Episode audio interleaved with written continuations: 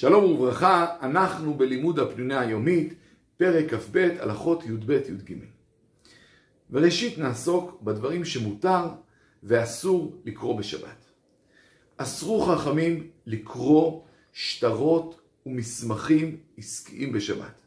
בכלל זה שטרות הלוואה, שטרות קנייה ומכירה, חשבונות של בנק וחשמל ומים, מחירי מוצרים בין אם הם מופיעים בפרסומות ומודעות בעיתון, ובין אם מופיעים מתחת למוצרים בחלונות ראווה, כל זה אסור.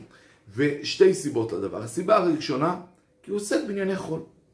ואף על פי שאמרנו, אבל מותר להרהר, אבל כאן שהוא עוסק ממש בשטרות ומחירים, הדבר יותר חמור. ועוד דבר, שחששו שמא יבוא אדם לכתוב, לגרוע ולהוסיף, ולכן עם אלה אסור. הרמב"ם אומר שככלל, מותר בשבת לקרוא רק בכתבי קודש, וגם בכתבי חול מועילים, כדוגמת מדעים, אסור בשבת. שבת צריך להיות לענייני קדושה. אבל דעת רוב הפוסקים, שרק מסמכים עסקיים, כמו שראינו, ומחירים אסור. אבל דברי חול, כל שיש בהם ערך מותר. אז בין אם זה עניינים של תזונה ובריאות הגוף למיניהו, אם קוראים את מרכיבי המזון בתוך המאכל, והוא הדין כמובן גם שאר החוכמות והמדעים, כל זה מותר. ואפילו סתם דברי חול, מי שנהנה ומתענג מכל מיני חדשות וסיפורים, מותר לו, בלבד שלא יקרא דברים שהם מצערים ומדאיגים. ואם מדובר בדברים של תולדות ישראל, או סיפורים על גדולי ישראל, אפילו אם יש בהם צער ודאגה, הדבר מותר.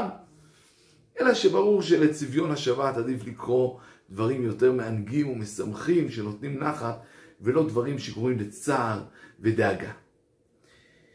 בעצם הכללים האלה הם נכונים גם לעיתון. מותר לקרוא עיתון, יש שם לפעמים דברי חוכמה, יש שם סיפורים למי שזה מעניין אותו, אבל רבים כתבו שעדיף להימנע מקריאה בעיתון, מכיוון שבעיתון יש גם הרבה מאוד פרסומות עם מחירים ועם הצעות עסקיות, ולכן קשה מאוד לברור ולא לקרוא את זה, ויותר מזה, עיקר השבת נועד ללימוד תורה ודאי, והעיתון יכול למשוך את האדם, ולכן עדיף להימנע מקריאת עיתונים בשבת.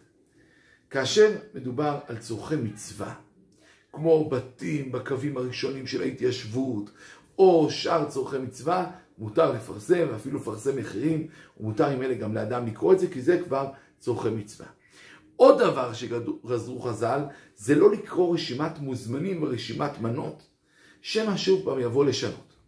וכאשר יש צורך, כדי למנוע עלבון או טעויות, אז מותר לאדם שהוא לא יכול לשנות. פעם אמרו המשרת, היום זה כל אדם שהוא לא יכול לשנות, שהוא לא בא לשמחה, שאין לו את המנדט לשנות, יהיה מותר לו לקרוא את זה, כאשר יש צורך בדבר, כמו שאמרנו, למנוע עלבון לצורך מצווה. לאור זה גם גבאי מותר יהיה לו לקרוא אנשים לתורה, ואפילו אם נתנו לו רשימה של אנשים שיעלו לתורה, יהיה מותר לו לקרוא. ולמה? כי א' זה צורך מצווה, הדבר השני, הוא בציבור אז הוא לא יבוא לשנות. וכאן באמת צריך להקפיד שלא יקרא את זה לבד, אלא תמיד שיהיה איתו מישהו שלא יבוא לשנות. יש שרצו להגיד שכל המשחקים הם מוקצה. צריך ללמוד תורה בשבת. ולא לשחק משחקים בשחבט, בששבש, בכדור וכדומה. אבל דעת רוב הפוסקים שהמשחקים הם לא מוקצים. אלא אם כן זה משחקים על כסף, שזה כמובן אסור, ולכן למעשה לגדולים טוב להחמיר, כדי שיעסקו בלימוד תורה ולא משחקים, ואם הם רוצים להקל יש להם על מי לסמוך, והילדים אפשר לחנך אותם אה, ללימוד תורה בעיקר, אבל מותר גם שישחקו.